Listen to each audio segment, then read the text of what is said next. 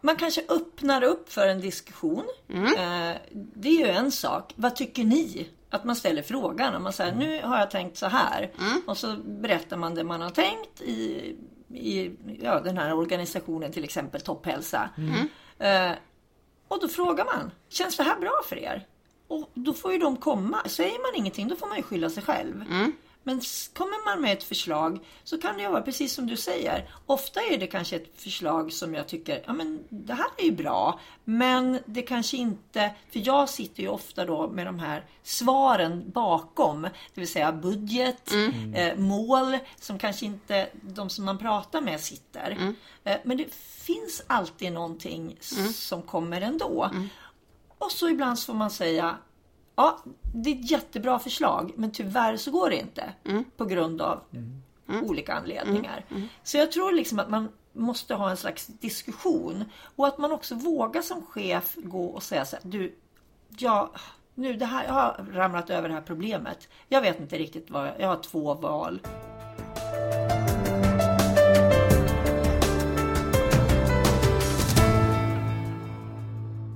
Hej och välkommen till Utmanarpodden! Podden för dig som vill utmanas både i karriären och i privatlivet. Och nu sitter vi här igen, eller hur Ingmarie? Ja, det är ju så roligt att vara på gång. Hela tiden är det fantastiskt att spela in poddavsnitt. Ett, därför att jag får träffa dig. Två, därför att vi får härlig återkoppling från våra lyssnare. Mm, verkligen, och det blir vi så glada för. Så att fortsätt med det här så vet vi också vad det är ni vill prata om och höra att vi pratar om och reflekterar om i den här podden. Vi är ju inte ensamma idag. Nej, detta är ju så här att vi har ju en av mina drömgäster. Som jag sa från början, henne ska vi försöka få med i Utmanarpodden. Och så sa du, ja men då får du börja med att ställa frågan till henne. Helt enkelt. Ja. Man kan ju bara få ett nej eller ett ja. ja. Och därför gick frågan till dig, Pamela Andersson. Åh, tack, vad glad jag blir att få höra det. Ja. Vem är du? Ja, vem är Ja, jag? det kan man ju undra. Ja men precis, jag är ju hon då som har samma namn som hon den andra, Pamela Andersson. Som jag ofta förr i tiden blev förknippad med. Eh, vilket gav mig extremt fina hotellrum när jag ringde. Eh, men, men, men nu så är liksom, nu är hon lite så här eh, på väg utför fast jag är fortfarande på väg uppför. Så vi skiljer oss, vi, vi möttes någonstans där. Alltså så skönt ändå. Ja, eller hur? Att, att du liksom är på väg uppåt Ja men jag känner det. Ja men jag känner det. Jag lär mig nya saker varje dag och utmanar mig själv varenda dag. Och jag är då ansvarig för varumärket Topphälsa. Jag har varit chefredaktör det i sju år och nu jobbar jag med tidningens träningsresor. Och tidigare, jag är journalist i, i grunden och eh, författare. Jag har jobbat som journalist på Expressen, DN, Sundsvalls Tidning, Hudiksvalls Tidning. Jag har suttit i eh, SVTs morgonsoffa och pratat sport i 13 år. Jag älskar sport och hälsa. Jag eh, har varit krönikör på Allt om resor. Jag är idag också krönikör i Tandläkartidningen. Jag kommer återkomma till det sen för det är Ja. väldigt mycket saker. Det var väldigt rolig liksom. Ett, ett, ja, ett härligt CV. Ja, det får man ju Ja. säga. Jag är också ambassadör för Cancerfonden. Jag är ambassadör även för Hudiksvall där jag är född och uppvuxen. Så det är ganska mycket som jag är. Ja, verkligen. Och jag har skrivit tre böcker. Den sista boken, Din hälsa sitter i munnen, kom ut i början av januari. Och sen har jag skrivit även två självbiografiska böcker. Jag ska inte dö idag och Två hål i huvudet och ett mirakel. Wow. Alltså jag undrar lite, har du tränat in och säga allt detta på så här kort tid? Nej, jag har så mycket mer. Alltså jag kan prata hur mycket som helst. Okej, är men alltså liksom- den här presentationen blev jag lite imponerad av. Du fick med allt liksom på dunk, dunk, dunk, dunk. Ja, det var snyggt gjort Pamela. Tack. I den här Utmanarpodden försöker vi ofta reflektera, för det är en av de sakerna jag tycker det är lite brist på, att man inte stannar upp och reflekterar. Som, och så heter den ju Utmanarpodden. Så om jag utmanar dig nu lite och funderar på, vad är det som gör att du är den du är? Som har kastat dig från det ena till det andra och sådär. Kan du se att någonting bakåt i livet har präglat dig? Ser du några sådana viktiga hållplatser brukar vi prata om i Utmanarpodden. Ja, jo men det, jag vet vad som har format mig. Jag växte upp med min pappa. Eh, Min mamma och pappa skildes när jag var sju år. Och jag och min bror fick bo hos pappa helt enkelt. Och där var det ju väldigt mycket män i min omgivning. Eh, Pappas kompisar då och jag och så brorsan. Så att jag växte upp i vad ska jag säga, i ett hem där det var väldigt, eh, kanske inte tufft på det sättet, men där man var, man var lite grabbig. Eh, och att jag sen valde att bli liksom sportjournalist och, och fightas med män på samma villkor tror jag liksom gjorde eh, kom därifrån. Jag hade inga problem att vara ensam kvinna i, i liksom ett stort rum av killar eller ett omklädningsrum eh, med nakna män efter en fotbollsmatch. Så att eh, där har jag nog fått ganska mycket. Och samtidigt så är min mamma är min idol. Men hon är ju liksom en helt annan person. Hon är mycket mjukare, hon är extremt generös. Eh, och hon ser aldrig utmaningar som någonting svårt. Utan hon säger alltid så här, det här ska vi klara. Så att jag brukar säga att min mamma är en tigrinna. Och jag är både pappas starka dotter och mammas lilla tigrinna dotter. Så det kommer ifrån eh, barndomen tror jag. Men bara du stannar där en stund, visst är det lite, eh, visst är det lite eh, förbluffande, förvånansvärt och lite prestationskrävande med tanke på att både du och jag är mödrar. Ja, Eller hur? ja.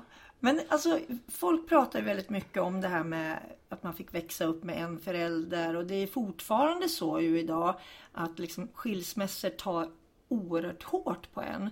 Men jag kan säga som liksom skilsmässobarn på 70-talet att det har inte bekymrat mig speciellt mycket. Jag tycker att jag har haft en jättebra uppväxt och en jättebra kontakt med både min mamma och min pappa. Men där jag minns när jag var mindre, det var liksom när det var, stod klart att det var liksom att de skulle skilja sig. Och att det var inte så många i min klass som hade skilda föräldrar. Så det kommer jag ihåg att jag liksom kände, hur ska jag berätta det här? Vilket gjorde att jag inte berättade.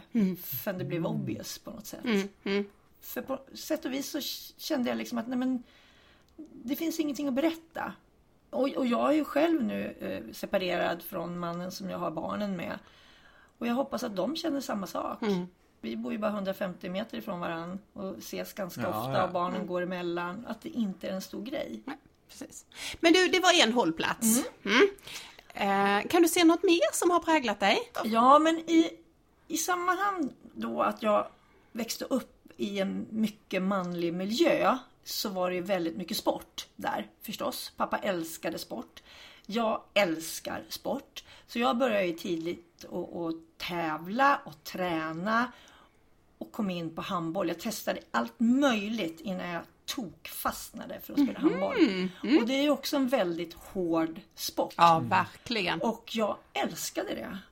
Och jag tränade och jag spelade ända tills dess att jag var 30 år. Så spelade, då spelade jag min sista match. Och hade min kropp hållit så har jag fortsatt spela på liksom lägre nivå och korpen och allt vad, vad det nu är. För jag tyckte det var det roligaste jag... Faktiskt ett av de roligaste, roligaste sakerna jag har gjort i mitt liv. Det är att spela handboll. Och det formar ju en också väldigt mycket. Framförallt skulle jag säga psykologiskt. För jag har ju varit med om matcher som har förlorats i sista sekund. Där man måste resa sig. Men jag har också varit med om att vinna i sista sekund. Och att känna att ingenting är omöjligt.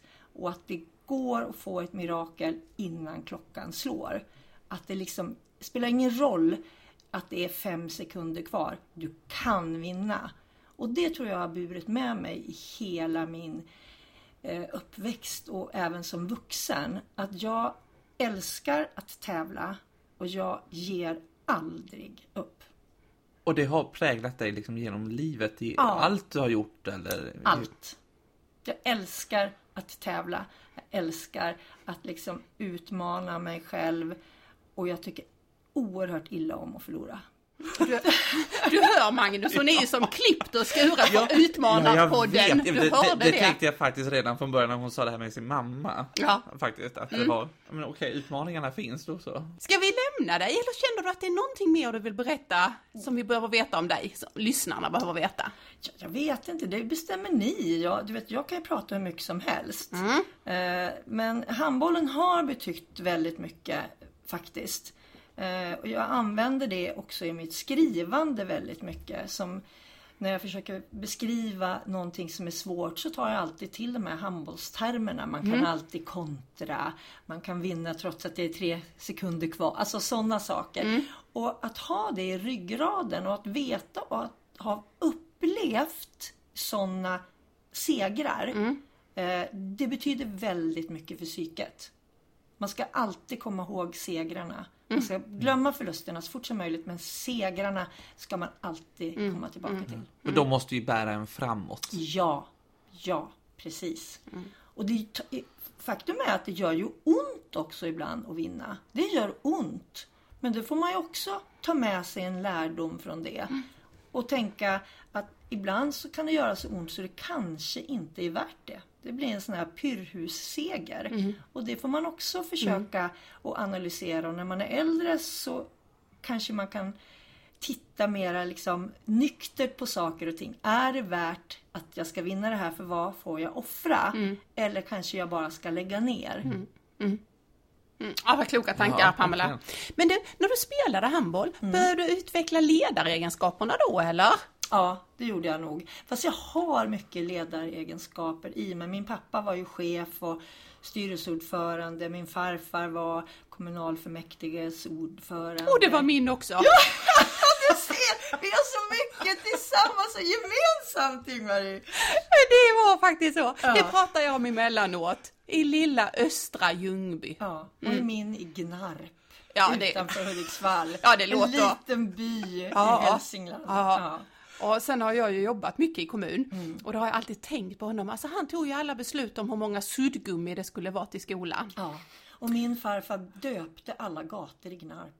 Ja, vad Jag är härligt. supersur att det inte finns Pamelas väg. Ja, just det. verkligen. Men jag var nog inte född då tror jag. det. Det kan ju vara anledningen. Det kan vara anledningen. Jag vet inte om jag var det. Ja, men jag tror att det, det har liksom hela tiden funnits hos mig. Och jag kommer ihåg första gången, alltså jag var inte mycket mer än kanske 8-9 år. Och så kommer jag ihåg en sån här stark sak. Alla traktens ungar var hemma hos oss. De var alltid hemma hos oss. Vi var alltid så här 10-12 barn.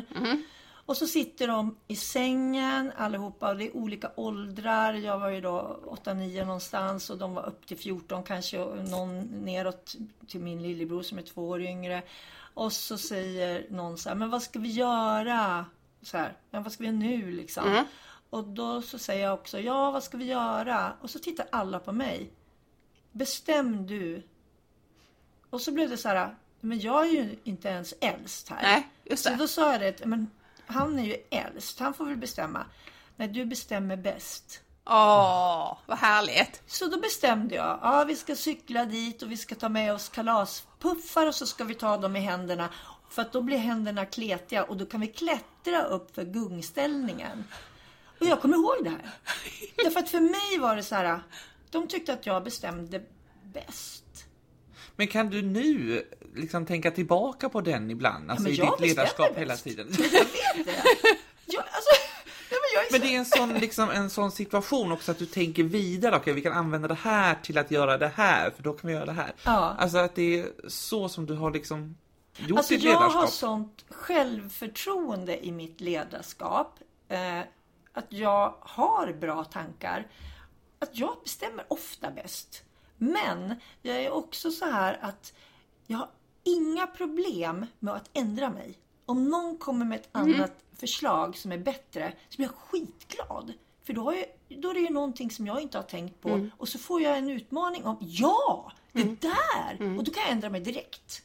Jag är inte så principfast så att jag, det jag säger är hugget i sten. Utan snarare tvärtom. Kommer någon med en bättre idé, då tar vi den. Men ofta så gör de ju inte det.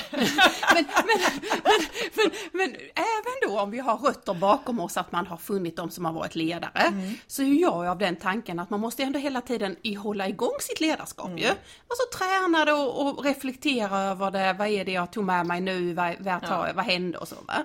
Och en sak som jag har funderat mycket över när jag har drivit stora organisationer, det var det här, hur skapar man en anda runt omkring sig så folk kommer med sina förslag? Därför att nu, nu säger du ju ändå så här att du är, ser lösningar, du kommer på saker. Tyckte det var väldigt kreativt med kalaspuffarna. Ja, så jag kan tänka mig att i vanliga, även, även nu när du sitter här i DN-huset så kanske du kommer på kalaspuffefrågor liksom. Ja, ja. Mm, vi får göra så här och så här. Men då tänker jag, hur skapar du då en ande att folk vågar komma med andra tankar? Mitt ledarskap överhuvudtaget. Vi har ju också varit handbollstränare ända sedan jag var 12 år. Mm, titta, där kom träningen. Ja, Mm. ja. Och eh, det bygger på glädje, gemenskap och att man jobbar för att göra andra bättre. För om man gör det, om man inte bara tänker på att jag ska bli den bästa i den här gruppen. Utan jag ska göra så att den andra också blir lika bra eller bättre än mig för det kommer gynna mig. Men jag tror framför allt att om man inte tycker någonting är roligt så går det aldrig att bli riktigt bra i någonting. Och glädje kommer inte alltid av sig själv. Ibland måste man faktiskt träna på glädjen. Och som handbollsspelare så vet jag att som när jag körde, jag hade, dels hade jag en massa ungdomslag. Jag har gått varenda handbollsutbildning som fanns. Högsta liksom, division. Det, det var faktiskt så att jag blev uttagen till en... Vi var sex eh, handbollstjejer i Sverige som blev uttagna utav Riksidrottsförbundet för att bli framtida förbundskaptener. Kvinnliga. Man gjorde en stor satsning så jag har gått en sån också.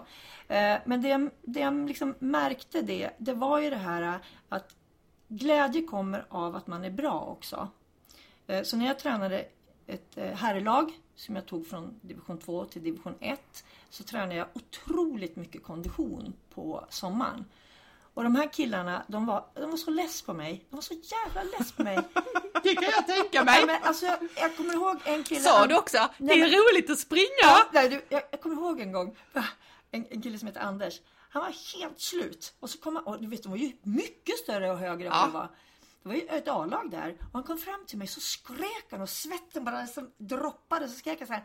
Tror du att det är något jävla friidrottslag du tränar eller? Vi ska ju för fan bara spela handboll!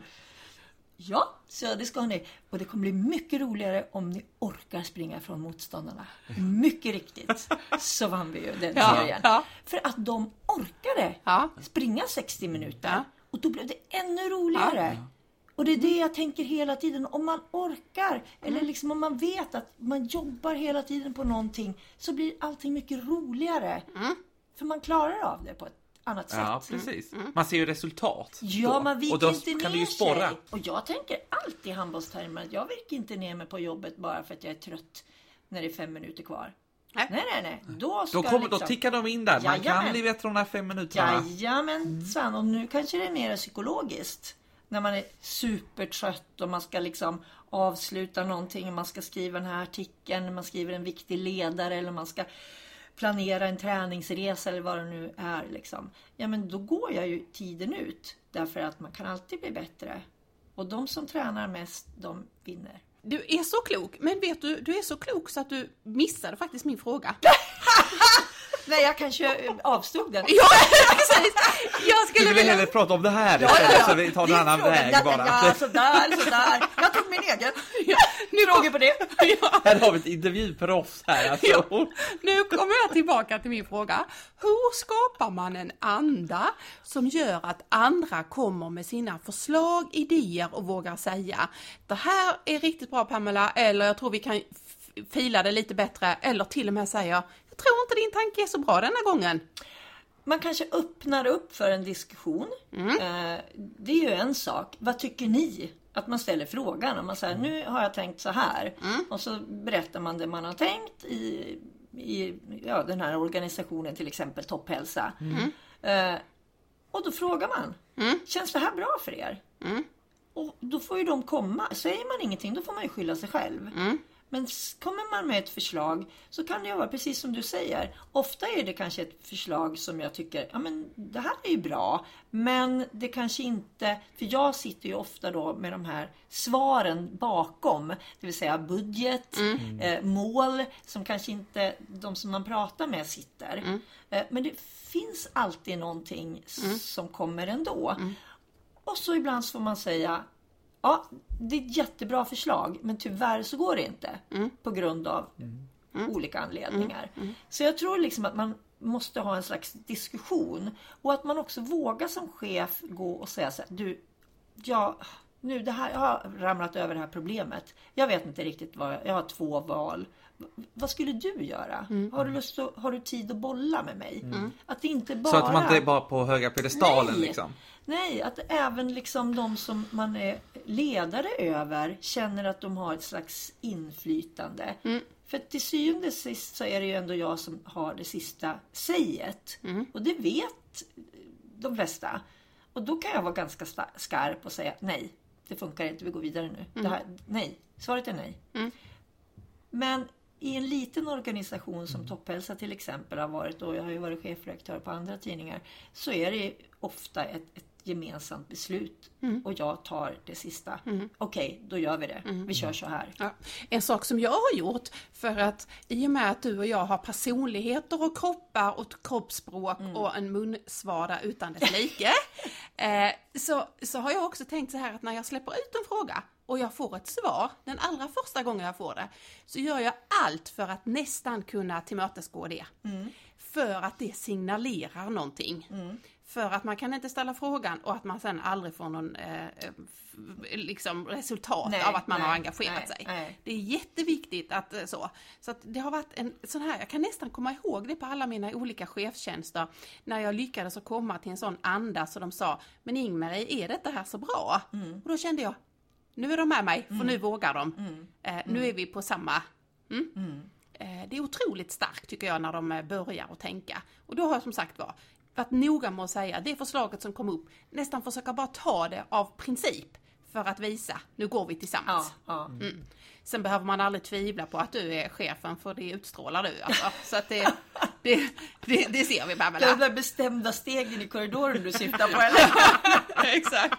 Vi hör att du är här idag Ingmarie. Mm, jag vet, säger jag då. Jag kommer ihåg när jag bodde i Israel på kibbutz. Och då jobbade man eh, på, man, fick ett schema varje dag som hängde i matsalen var man skulle jobba. Och eh, det var min eh, födelsedag så att jag hade bett om ledigt den dagen. Annars jobbar man ju sex dagar av sju. Och så kom jag bara av en slump på kvällen innan man tittade på schemat. Då ser jag att liksom, arbetsledaren då, den här israelen hade satt upp mig på arbete.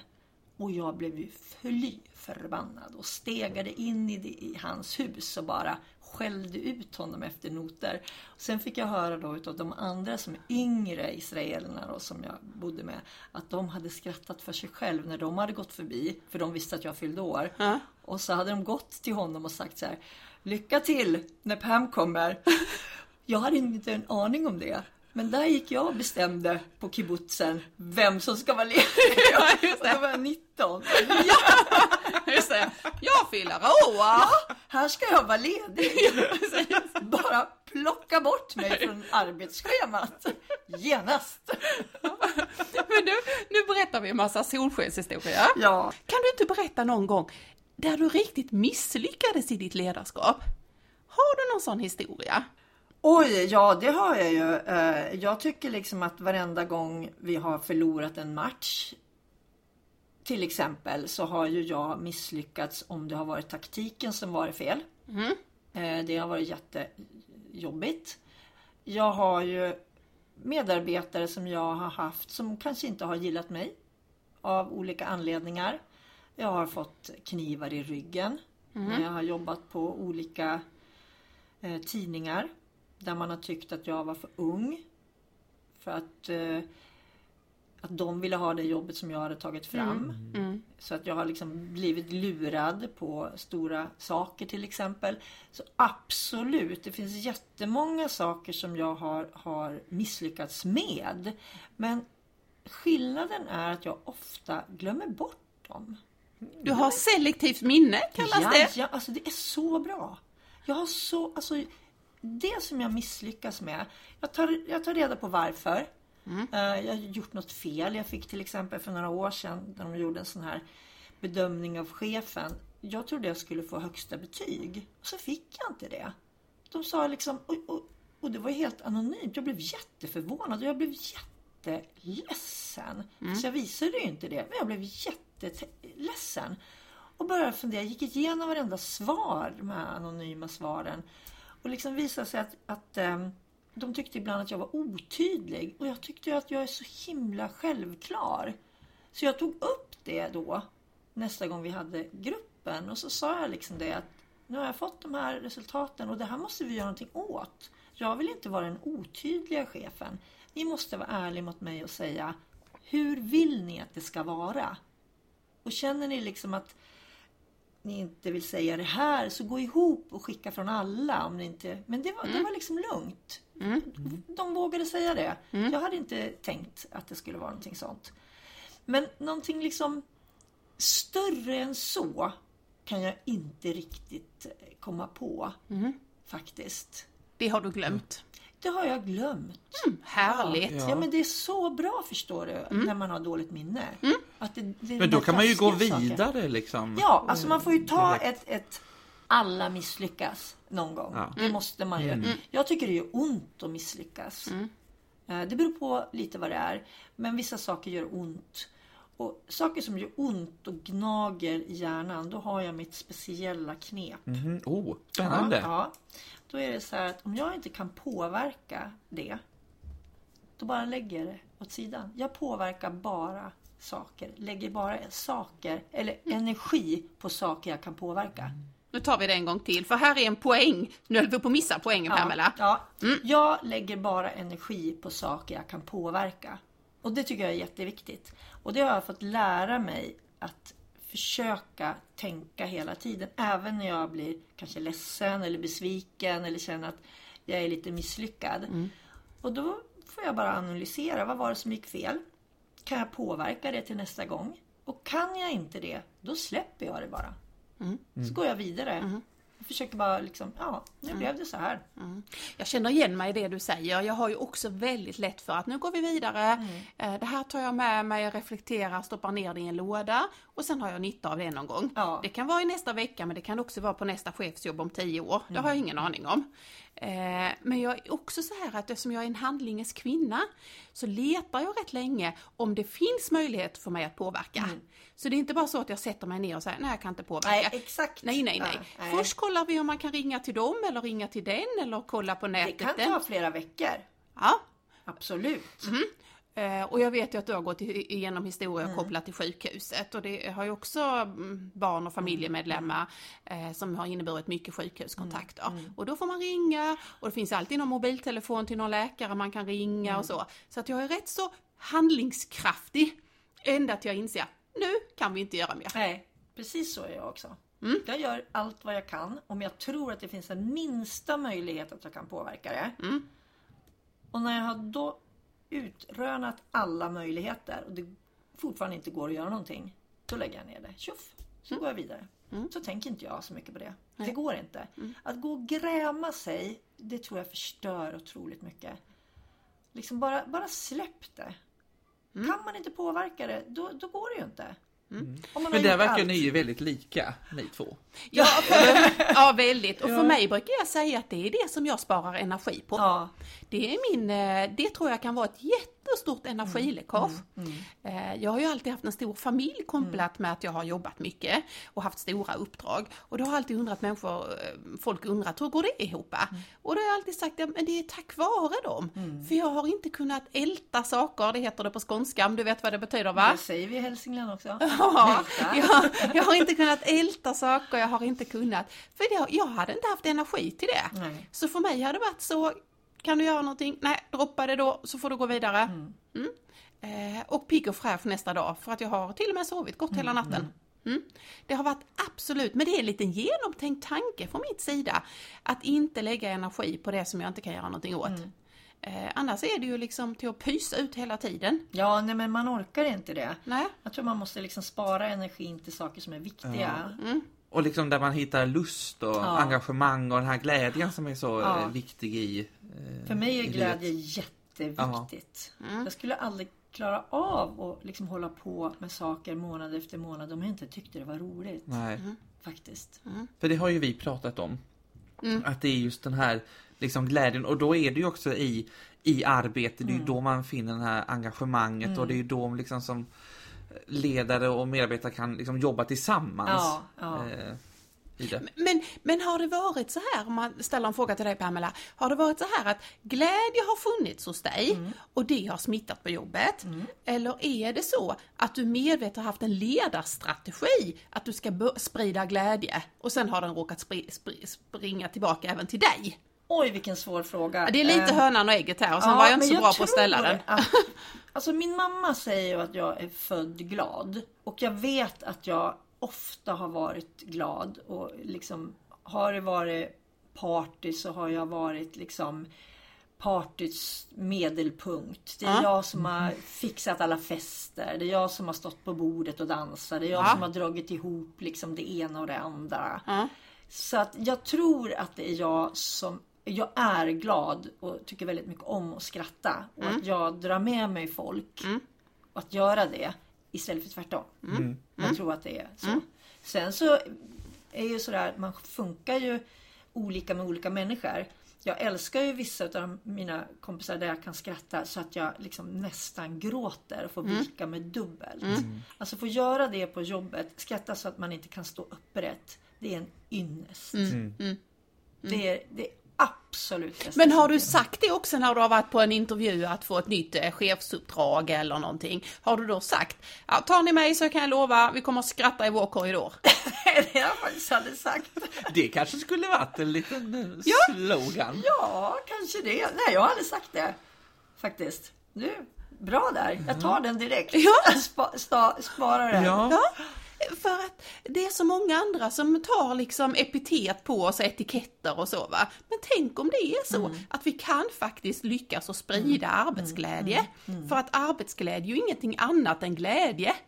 Ibland gör man det sådär, ja nej, men jag är glad på jobbet, nej jag är glad hemma förresten och på jobbet har jag arbetsglädje. Nej, men vänta ett tag, nej, men vänta ett tag, vad är det för skillnad på... Nej, det på... kan, ju, det kan ju inte vara en skillnad. Då är det ju spelad glädje. Ja. Det var ju det som du pr- pratade om i frågan. Ja. Om man gör en arbetsglädje, då är den spelad för att man ska få folk med på tåget. Mm. Och det tror jag inte på. Jag tror att det måste komma från hjärtat. Jag tror att folk är smartare än så. Ja. Mm. Faktiskt. Att de skulle genomskåda. Ja, absolut. Det, nej, det tror jag inte. Nej, men jag tycker absolut du ska skriva in det i din... eh, Ja, jag ska göra Ja, det. verkligen. Det borde kanske fler göra, tänker jag. Ja. Alltså, så här, för jag, tänker, jag tänker att det är inte sånt som folk, eh, alltså när man sitter på intervju, att någon frågar riktigt sådär. Mm. Då kunde man ju komma med en punch sådär. Och nu säger Magnus det för att jag har kunnat se på sociala medier som helt plötsligt när du skulle ha någon dragning på ditt seriösa jobb körde Céline Dion eh, eh, parad. Ja, eh, det, men det blev så. Vi satt och verksamhetsplanerade.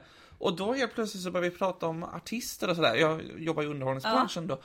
Så att då eh, blev det så här, då satte vi på någon låt där och då började jag imitera Céline Dion. Alltså det är lite det som, men det är också, det är också en liten, jag tror det också är en sån här humorgrej som Ja, jag har liksom, ja. att försöka att plana ut det där, att det inte blir så himla seriöst liksom, utan när det är liksom här, verksamhetsplanering, då får det vara lite roligt också. Då får liksom. det vara lite civil. Ja, men då får det vara liksom lite glädje i det där va? Och jag bjuder gärna på det. Ja, det är bra.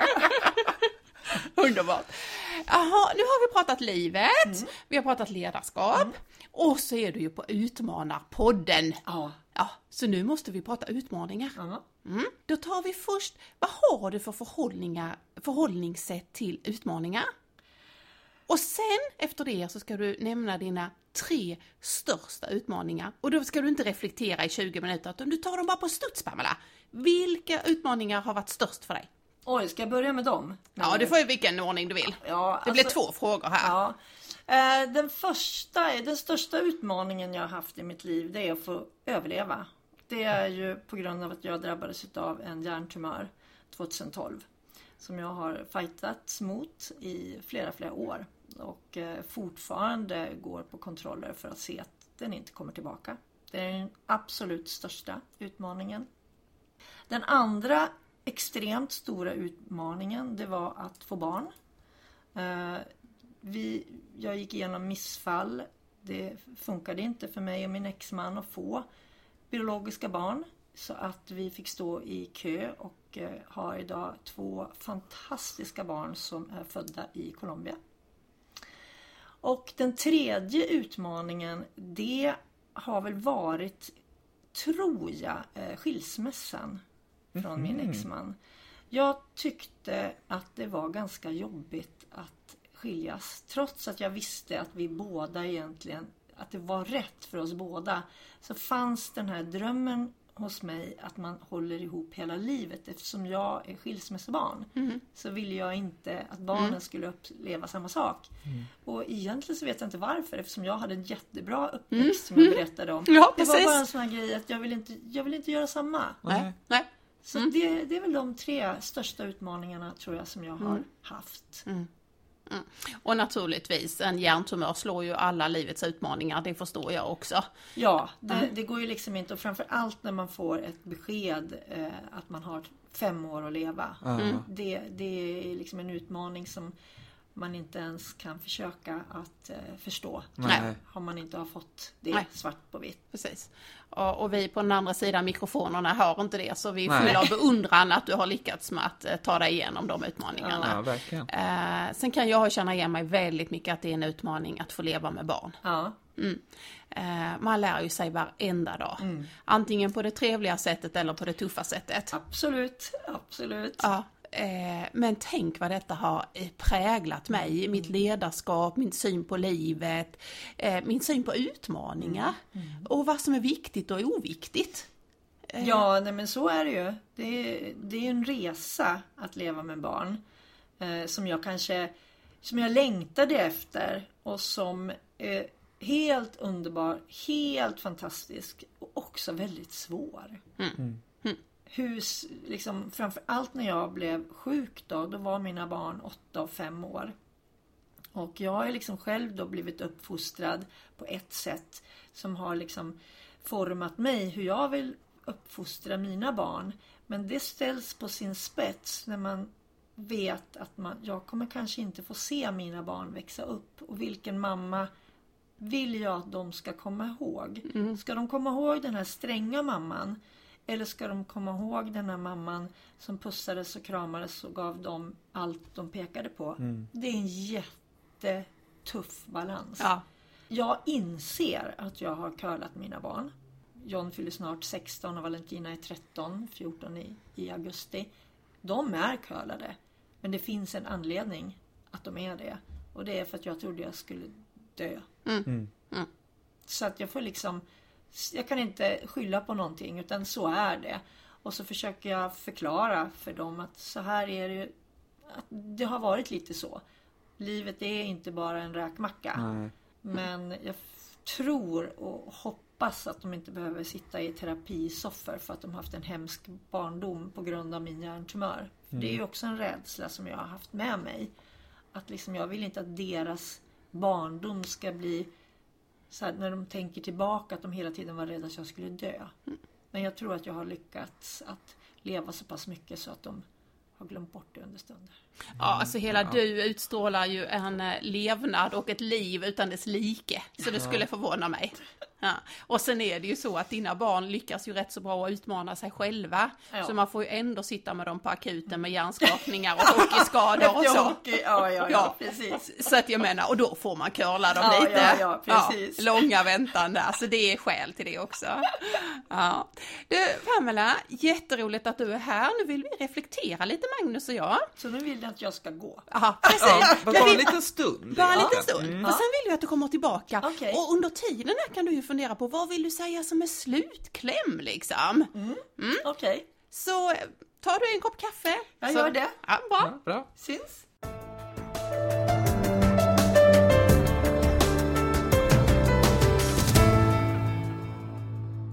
Vilken kvinna! Ja men det sa jag Ja, ju Mange vet, vet. men det är ju som att det, det, ni skulle ha en podd bara ni två. Det är liksom så här, det, det är väldigt roligt. Ja, vad betyder det? Du, du, du. Nej men det är liksom så här snabba, ni är li- lite lika liksom. Mm. Så det är ju snabba puckar och ni känner igen varandra och liksom Mm. sådär.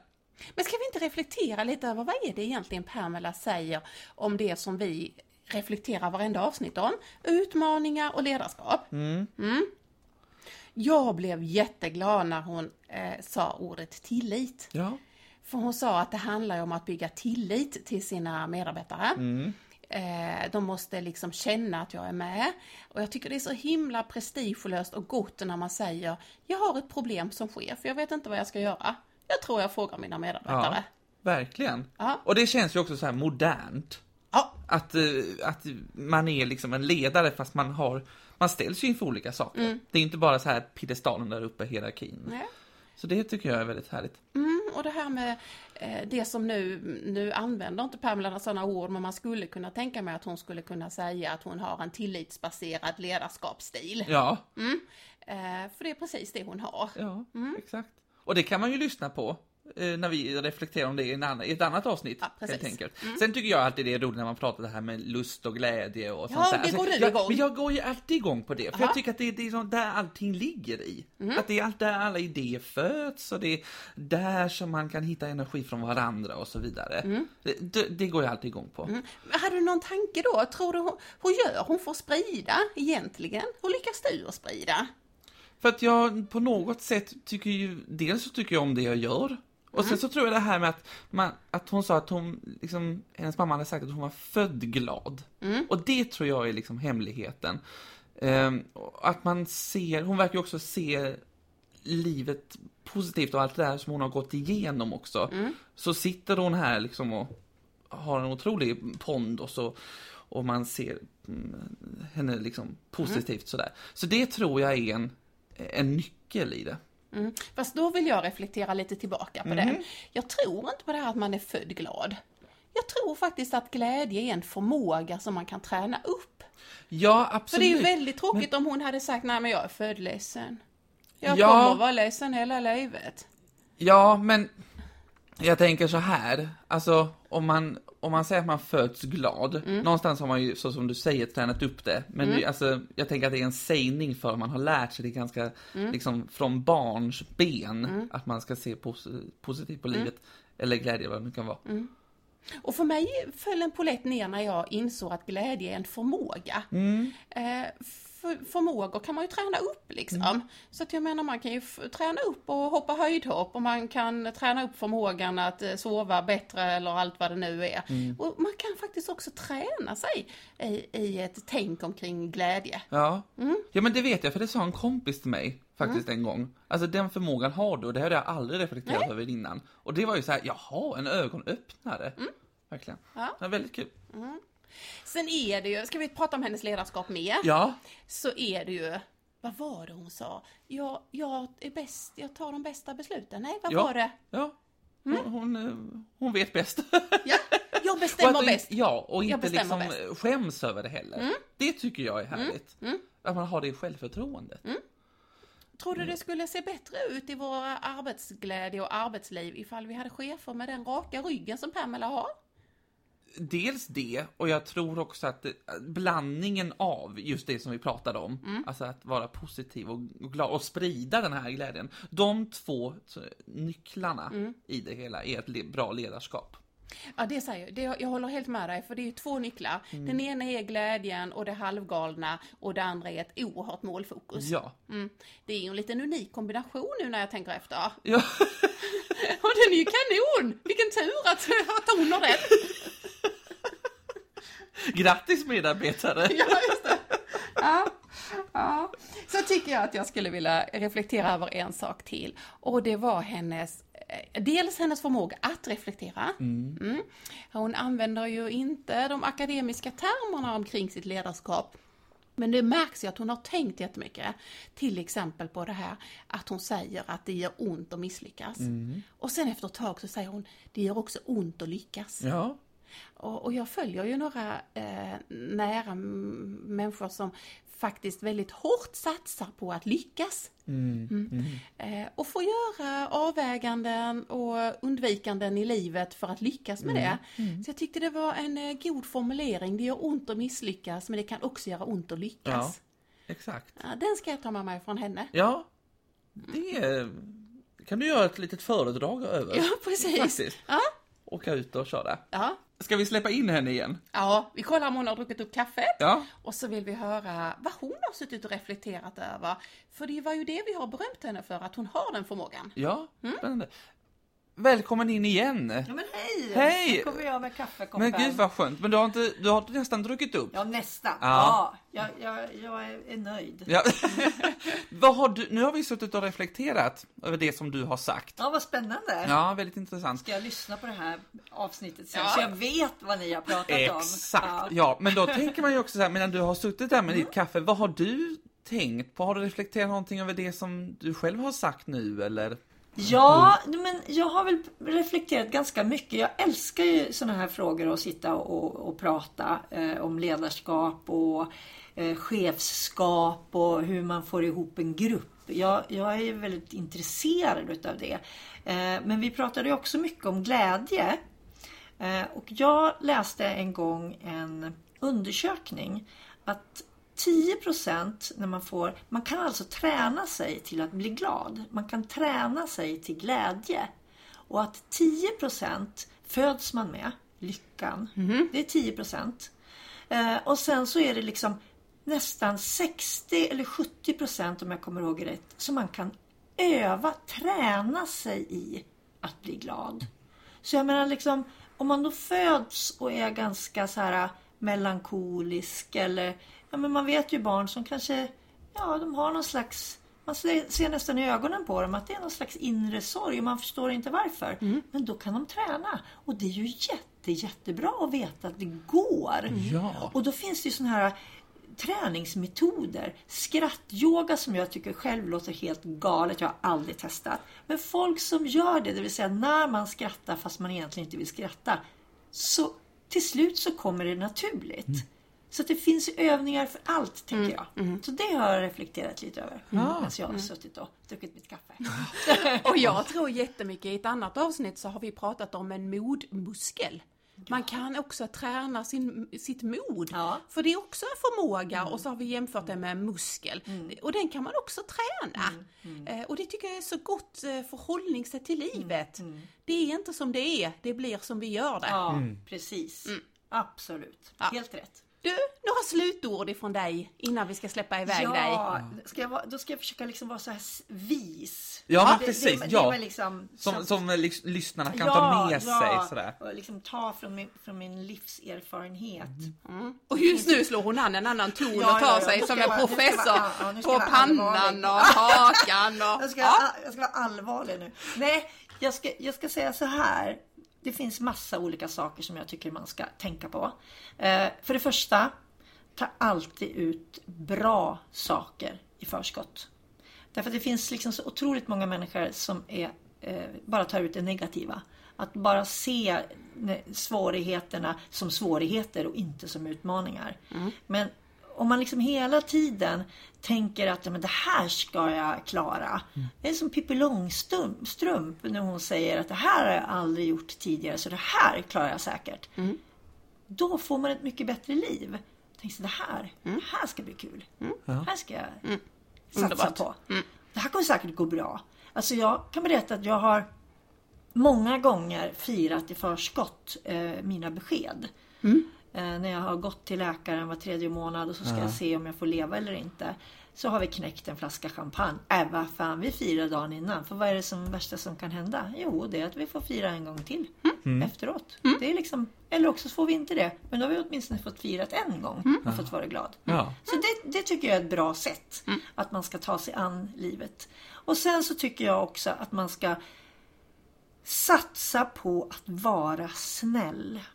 Snäll är ett sånt där ord som ofta liksom betraktas, om man är snäll så är man lite menlös. Ja.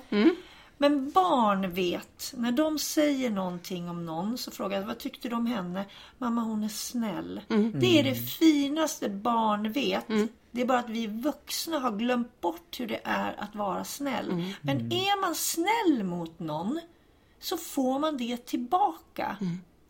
Så vi måste försöka att jobba med varandra som en grupp och inte bara en och en. Och att vara snäll, du kanske inte får det tillbaka första gången. Och du blir ledsen, jag vet själv, man har gjort allt. Men i längden är det de som är snäll som har det bästa livet. Alltså klokt sagt. Det är så Ja. jävla klokt. Ja. Jag tar de Då- bästa ja, besluten. där- och de klokaste sägningarna Alltså detta avsnittet med glädje. kommer gå till historien. Ska vi inte bara skratta och säga tack för att du ville komma till oss? Ja. Men du har, tack du har gett så mycket och det är så roligt att få samarbeta med dig Pamela. Tack snälla för att jag fick komma.